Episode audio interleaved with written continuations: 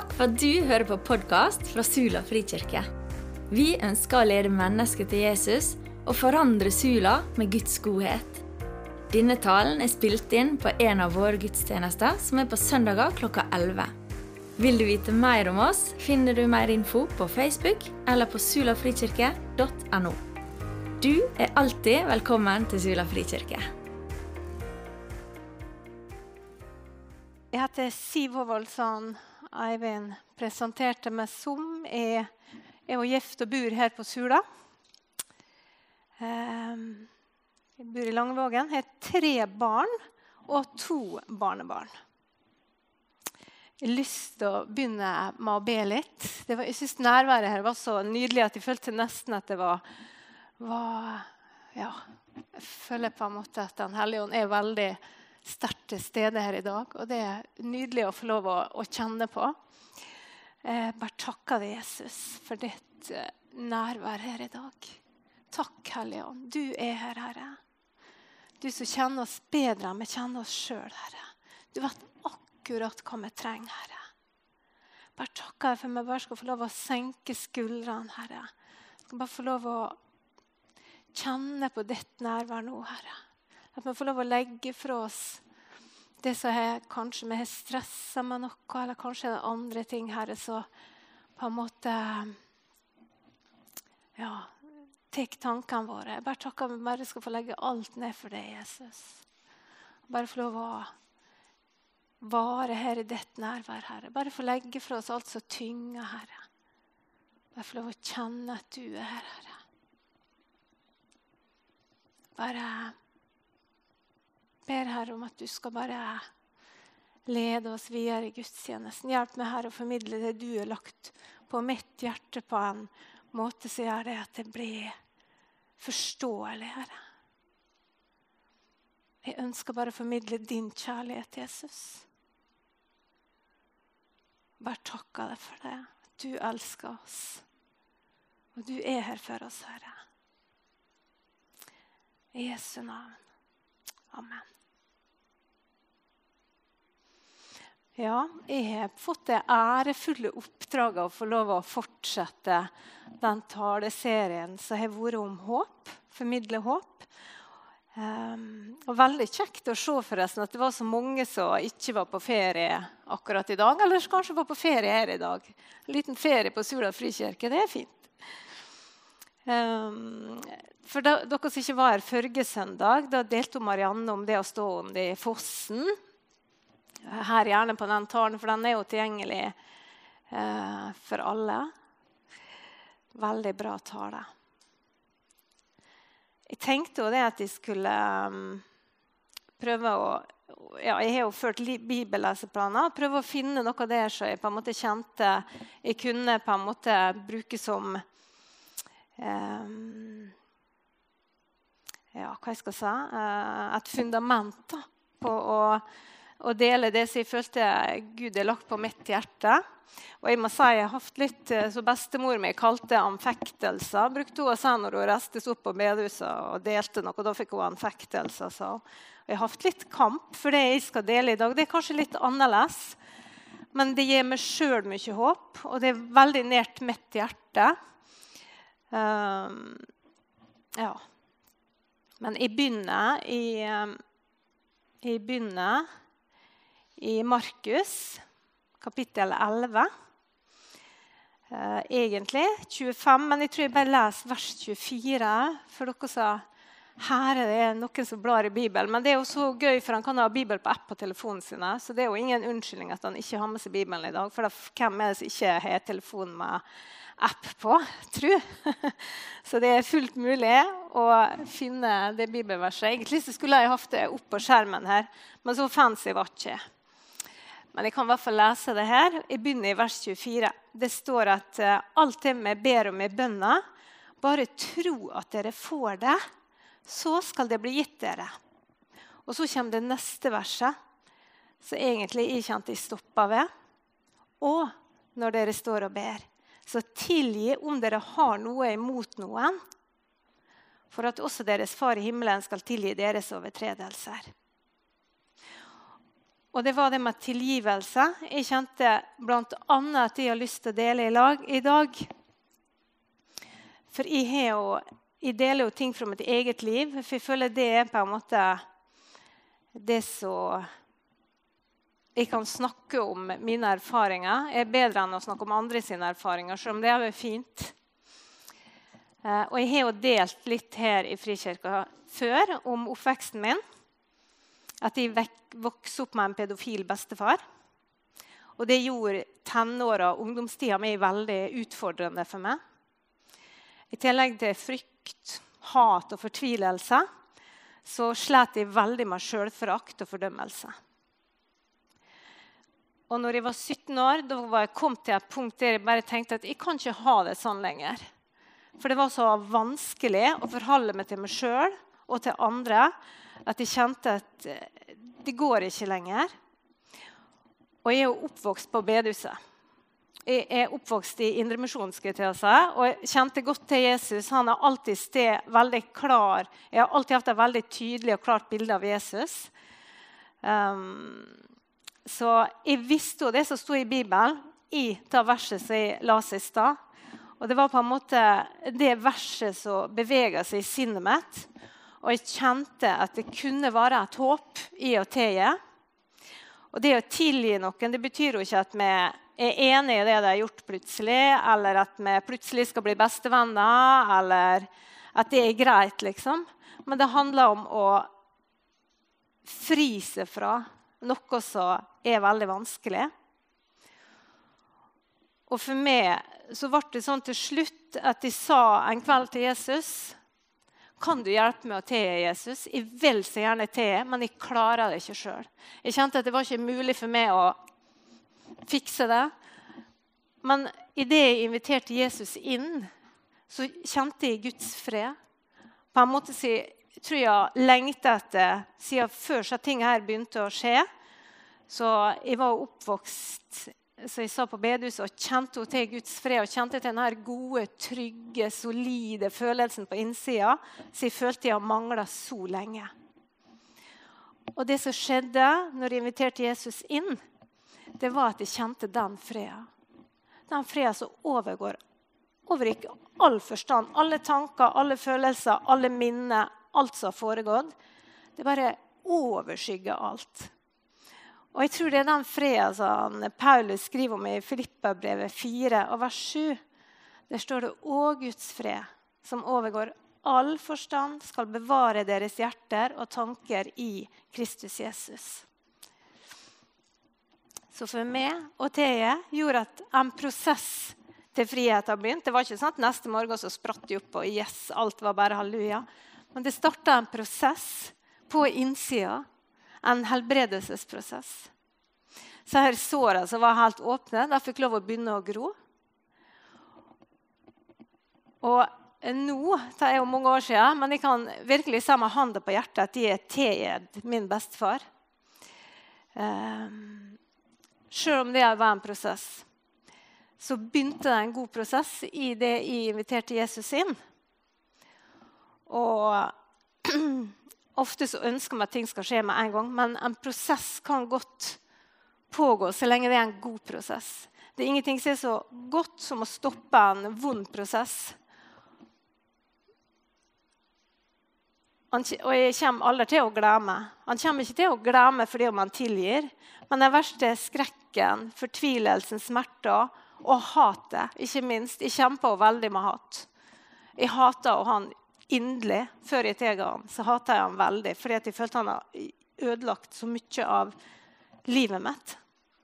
Så mye av ungdomstida mi. Men det som skjer når han tilgir, iallfall det jeg opplevde, det var at såra begynte å gro, og så etter hvert så ble det bare arr. Det vil si at jeg kan se på de arra og tenke ja, Gud kan få sår til å gro. Jesus kan få sår til å gro. Og så måtte jeg nok gå noen runder til meg sjøl Og det er jo ofte vanskelig for oss. En ting er å tilgi andre. Men hvis vi kommer dit at vi kjenner at vi trenger å tilgi oss sjøl, så det er en prosess. Og det vil jeg anbefale.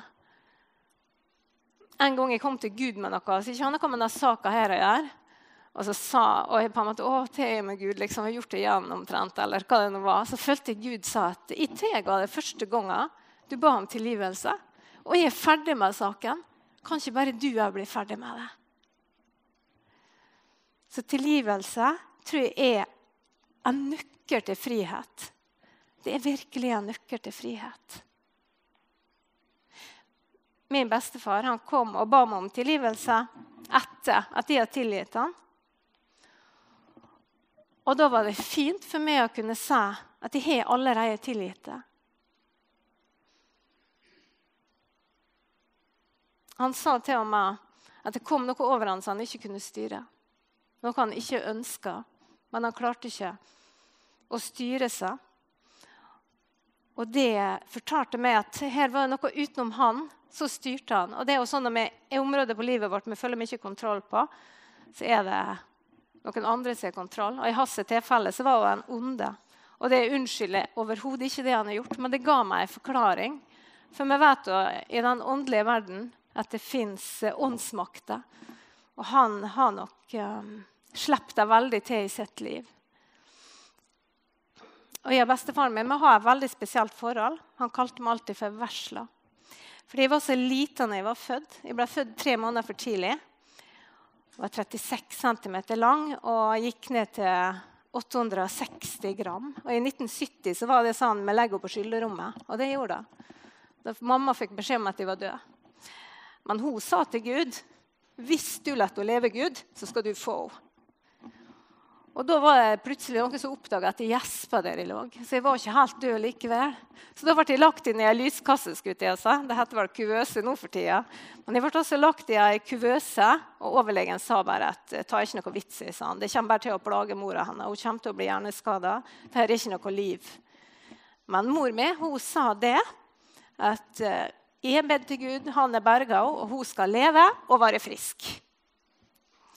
Og det har jo handla om håp stå på. Altså, ikke gjør dere. Når Gud har sagt noe, så stå på, samme hva legen sa.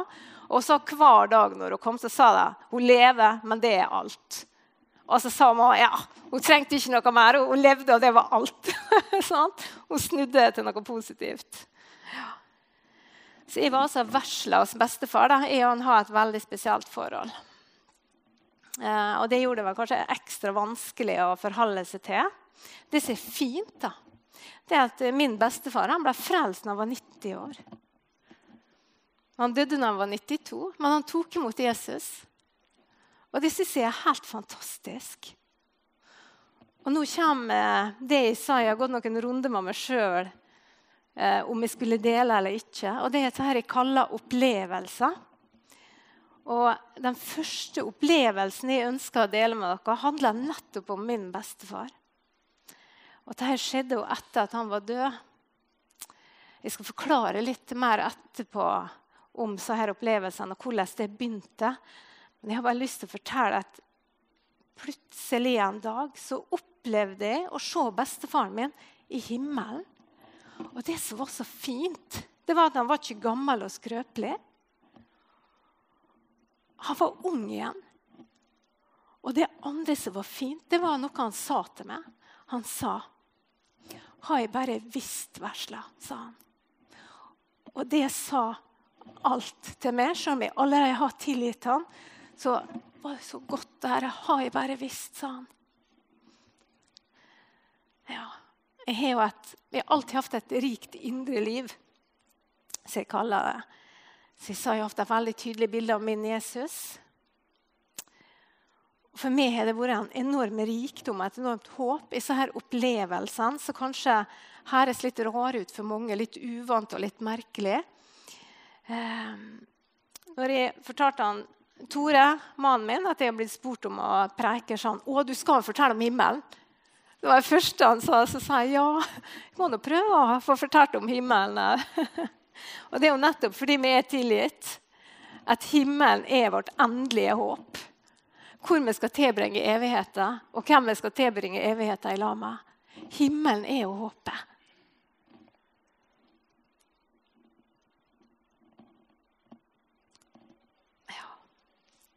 Ja. forresten så tror jeg at jeg, kommer til, kom til himmelen enten jeg har tatt bestefaren min eller ikke. Men jeg tror bare disse opplevelsene har preget meg så mye mer. Og kanskje det hatet jeg kjente på, ikke har sluppet taket i sjela mi. Og at jeg kanskje aldri har fått den freden som jeg lengter så veldig etter. Jeg har båret den byrden fremdeles. Såret har ikke fått grodd. Og Derfor så tror jeg Den hellige ånd minte meg om å tie. Fordi at jeg skal få oppleve den friheten. Vi vet det I Bibelen så står det at frihet har Kristus frigjort oss. Og Vi skal ikke legge oss under i trelldommens åk igjen. Og mitt trelldomsåk det ble brutt i det jeg tega. Himmelen står faktisk nevnt i 54 av de 66 bøkene i Bibelen. Og I Filippabrevet 3,20 så står det men vi har vårt hjemland i himmelen. Og Det evige livet er jo bare noe vi har, og noe vi håper på. Vi som tror på Jesus. Så det står i Johannes 3, 6. vi skal ikke fortapes, men vi skal ha evig liv. Og så var det dette himmelske håpet som jeg har lyst til å snakke om for oss tilgitte syndere. Jeg også har med seg tatt imot Jesus. Det står i Johannes 14, 2 og 3 står det i mitt fars hus er det mange rom. Var det ikke slik, hadde jeg ikke sagt dere det. For jeg går for å gjøre i stand et sted for dere. Jeg vil komme tilbake og ta dere til meg, så dere kan være der jeg er. ikke det er fantastisk? Wow! Åh, vi tenker på at dette er himmelen, gjør vi ikke? Og det står her så nydelig skrevet at han skal tørke bort hver en tåre fra øynene våre. Døden skal ikke være mer. Ikke sorg, skrik og ikke pine. Ta vente oss som har navnet vårt skrevet i livets bok.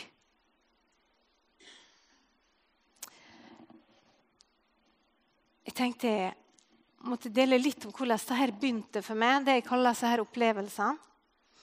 Det begynte egentlig etter at de ganske nylig har flytta hit.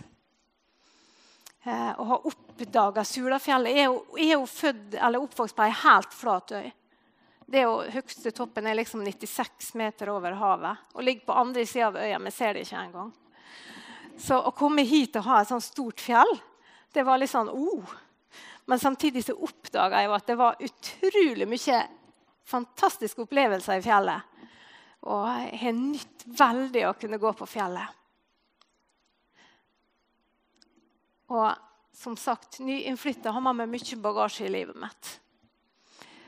Um, og følte, selv om jeg har fått fred, så kjempa jeg veldig med denne fordømmelsesbiten. At jeg ikke var god nok, altså at jeg ikke kom til å bli noe, at jeg ikke var noe. at jeg ikke, sant? Alle disse tingene her som sikkert mange kjenner til.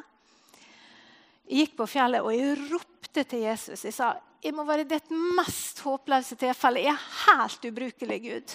Jeg forstår ikke hva du skal med meg. Og plutselig, der i fjellet, så så jeg noe som lignet på en enorm puslespillbit. Jeg så noe av et ansikt. Med skjegg som var revet av. Det var helt forferdelig. Og flere biter falt på plass. Mye blod. Hodet forslått. Forferdelig. Men så kunne jeg så vidt skimte et par øyne. Og det jeg så i det øyet, det var kjærlighet. Jeg har bare sett Jesus på korset i statskirka med der han er tynn og helt drivhvit og har tre dråper blod og et sår i sida. Jeg har helt sikkert lest det som står i Jesaja og i Jeremia. Og jeg har sikkert lest det som sto, men det, det faller meg ikke inn at det var Jesus kunne se ut sånn. Og jeg trodde nå på en måte at hun på å klikke for meg. Så jeg lå nå oppe i lingen og, og hiksta og skrek. og jeg kom nå ikke videre. Det, det var jo så voldsomt, og det var jo, så, det var jo på storskjerm. Så jeg tenkte at jeg er sikkert litt tungnem. Gud, han er, trenger å vise meg ting på storskjerm.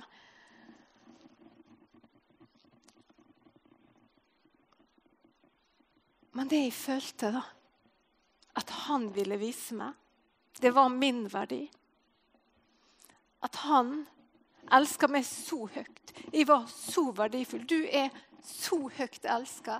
Du er så verdifull at Jesus valgte å bli torturert, pint og plaga. Han valgte å bli beskyldt for noe han ikke gjort. Bli korsfesta. Han tok på seg all vår skyld og skam.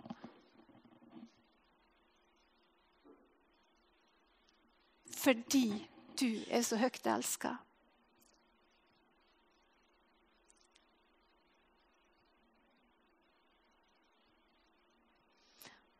Og ofte når jeg har så her opplevelsene, som jeg kaller, så må jeg bare koble ut fornufta mi. fordi at jeg, jeg klarer ikke å tenke meg til det på en måte. Um, det er ikke noe jeg har klart å klekke fram i mitt eget sinn. på en måte. Um, så jeg har lyst til å dele en opplevelse til. Orker jeg mer? Flere opplevelser? Jeg ser Noen smiler, noen ser litt mer alvorlig ut. Og det er helt greit. Alt er greit. Jeg deler likevel.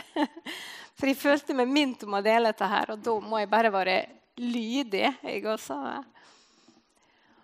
Og Dette skjedde noe senere. Jeg har fasta og bedt i noen dager. Og plutselig så var jeg en annen plass. En plass som ligna veldig på Israel. Og jeg må bare si det som en sånn liten, stor parentes. Jeg er veldig glad i Israel. Jeg er så velsignet at jeg har fått vært her mange ganger. Og det er en plass, det en del av hjertet mitt alltid er. Så for meg at det ligna Israel, var, å, det var jo ekstra fint. Eh, men det var et sånn fantastisk gyllent lysskjær der jeg var. Og så kom det en mann imot meg. Han hadde hvite linbukser og som ei hvit linskjorte utapå, så han sandaler. Og så bare strakk han handa mot meg, og så sa han 'kom'. Um, og så hørte jeg ei stemme som sa 'Dette er brudgommen og bruden'. Og Da skjønte jeg hvem det var som holdt meg i handa. Og jeg ble jo helt desperat. Jeg er jo så uverdig. Jeg er jo så skitten. Hvordan kan dette gå an? Men så, så havna jeg i et slags sånn fugleperspektiv der jeg så oss to bakfra. Og det jeg så, det var at vi var like hvite begge to. Jeg har en hvit kjole på meg, og vi var begge like hvite. Og jeg bare holdt og holdt i hånda. Jeg tenkte ikke send meg ned nå, ikke send meg ned nå, for jeg skjønte at dette kanskje var et, bare et øyeblikk. Og vi har dette lyset over oss, eller i oss, eller begge to. Det var liksom Og jeg kjente på en sånn nærvær og en slags følelse av å komme hjem og herre til. Så var det sånn at Jeg tenkte kanskje jeg skal dø nå. Og hvis jeg skal dø, så er det helt greit.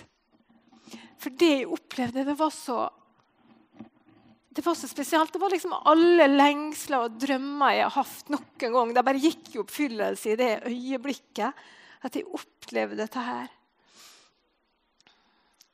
Og Jeg torde ikke å se opp på han jeg hullet i handa, men likevel så, så han på meg. Og da kjente jeg han de øynene som jeg sitter oppe på fjellet, som var så uendelig full av kjærlighet.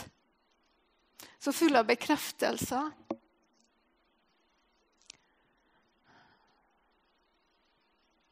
Hvorfor forteller jeg dette? Det, jeg håper jeg ikke tror at det er for å framheve meg sjøl, for det er ikke det det handler om. Jeg føler at alle disse opplevelsene har et budskap som ikke gjelder bare meg, men som gjelder oss.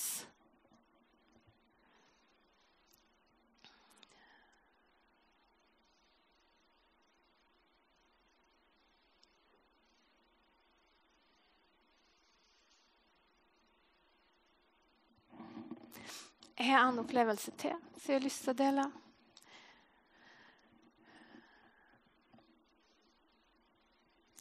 Jeg opplever igjen å gå på en himmelsk plass sammen med Jesus. Det er mange folk rundt oss, men det er vanskelig å ha fokus på noen andre. liksom. Så jeg har fokuset mitt på han. Men likevel så blir oppmerksomheten min dratt mot en ung mann som står der. Og jeg kjenner at han ser på meg etter at tid er passert. Så kjenner jeg øynene hans. Han ser på meg fremdeles. Han har lyst, krølla hår. Og plutselig så forstår jeg hvem det er. Det er bror min. Før jeg ble født, så var mor mi gravid med en gutt. Men så blødde hun så veldig at jeg måtte, de måtte bare ta han rett og slett. De sa vi har ikke noe valg. Enten så dør det begge to, eller så må vi ta det. Hun var helt desperat, for hun, sa, hun ville heller dø. Men de sa at nei, det kan ikke vi tillate. Hun fikk vite at det var en gutt. Og jeg alltid, Hun har alltid nevnt han som en del av familien. Og jeg har alltid sett ham for meg sånn i en sånn ferme englearmer som en sånn bitte, bitte liten baby. sant?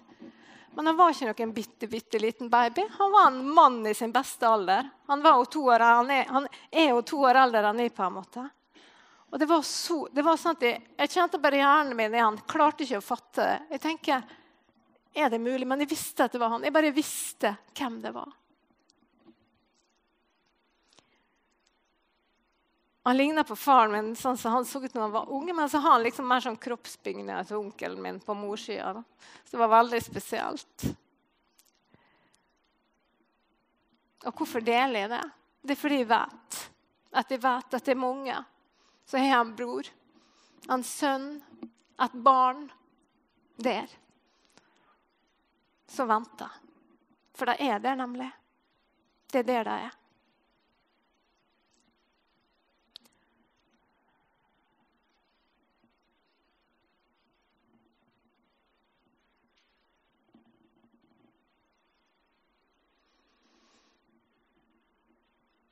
Far min han døde for ti år siden.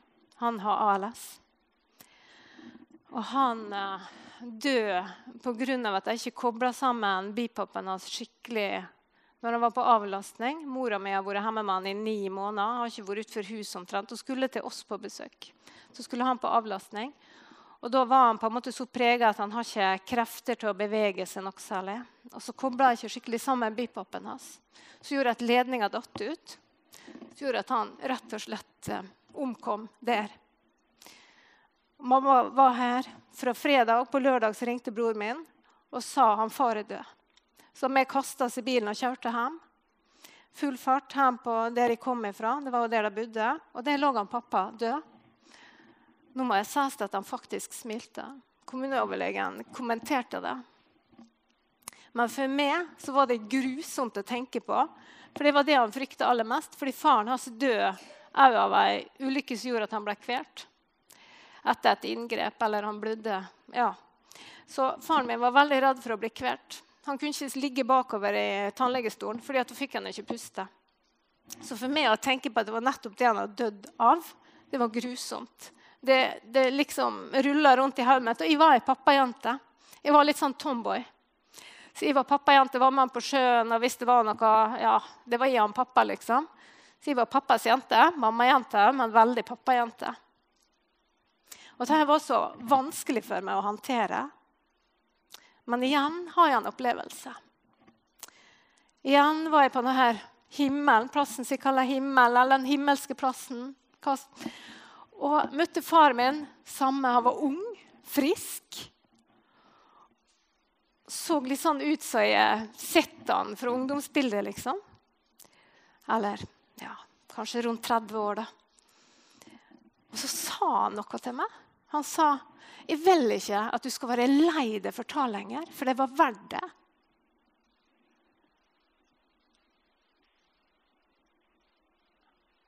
Og det gjorde at alle disse tankene bare slapp taket. Og jeg aldri kommet tilbake. Det tankekjære jeg har, og denne sorga over måten han døde på, ble egentlig erstatta med sånn Yes, det var verdt det. Det var faktisk verdt det. Jeg skal straks avslutte med å fortelle om en siste opplevelse. Jeg vet ikke om det klarer mer, men jeg, sånn, ja. Og det er egentlig litt alvorlig og veldig vakkert. Og det skjedde denne veka. Igjen er jeg på en plass der jeg opplever at hele himmelen gløder. Jeg skjønte ikke hva jeg så. Jeg tenker, Er det en stor soloppgang? Er det Guds herlighet? Hva er det jeg ser? Og så um, ser jeg mora mi. Hun døde for ett år siden. Og det som kjente til hun vet at hun eh, lagde smykker. Hun var en, og hun lagde noen kunstverk av noen smykker. Jeg har på meg ett i dag. da. På ett av dem hun har lagd. Hun var filigransarbeider, sølvsmed, eh, og elska jobben sin. Og det jeg nå ser, det er at hun sitter så nydelig som bare juling, men hun har ikke tida til meg. Hun sitter og jobber på noe. Så tenkte jeg, hva i verden? Og så ser jeg hva det er hun sitter og jobber på. Det er som et slags filigransarbeid. Det er et gullsmedarbeid. Men det er jo så stort. Det er jo det jeg ser som er så stort. Og så sa hun noe. Hun sa det at alle her er opptatt med forberedelser til lammets bryllup. Og brudekrona er snart klar. Og da ser jeg at det er en enorm brudekrone. på en måte. Og det er ikke langt igjen til hun er ferdig.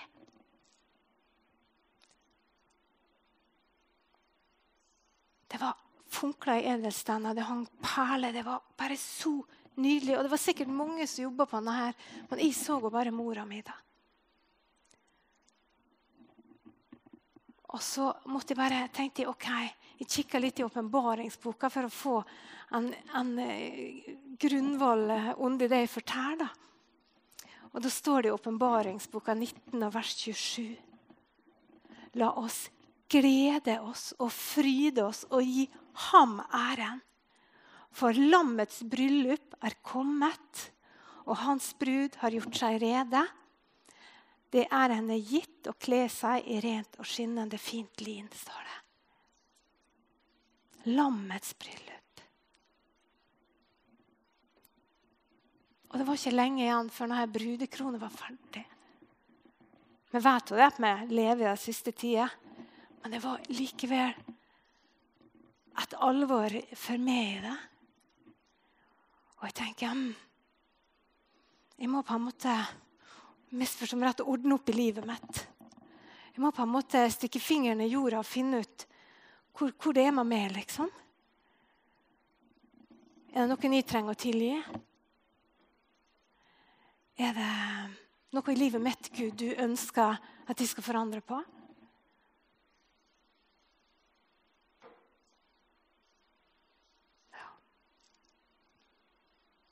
Jeg håper det, selv om jeg føler jeg prater og prater nå, og delt mange ting som for mange kanskje virker helt uh, veldig uvant, uh, så håper jeg at, uh, du likevel sitter igjen med håpet så det er tilgivelse. Håpet om himmelen. Om at du skal dit, at du er verdig. Om at du har dine der. Sjøl det som ikke fikk lov å leve opp.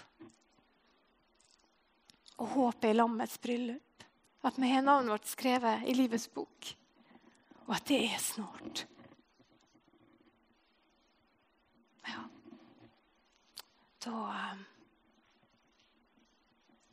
Ja, jeg bare ber til slutt, Herre, om at uh, det som var de vilje skulle sitte igjen av det her. Det skal sitte av om det er mine ord, om det er ting som ja, ikke var fra dette hjertet, Herre, så bare legg meg dødt. Men jeg bare takker deg, Herre, for din uendelige kjærlighet. Jeg takker for at jeg kan få lov å leve i det håpet om at vi har himmelen i vente, Herre. Lammets bryllup. Og så vil jeg bare be her om at de som sitter her nå her og kjenner på den tilgivelsesbiten Kjenner at det er noe av det som har rørt hjertet der. At du bare skal komme, Herre. Når de inviterer deg inn, Herre. Kom med den freden de lengter etter, Herre. Bekreft at de er dyrebare og høyt elska.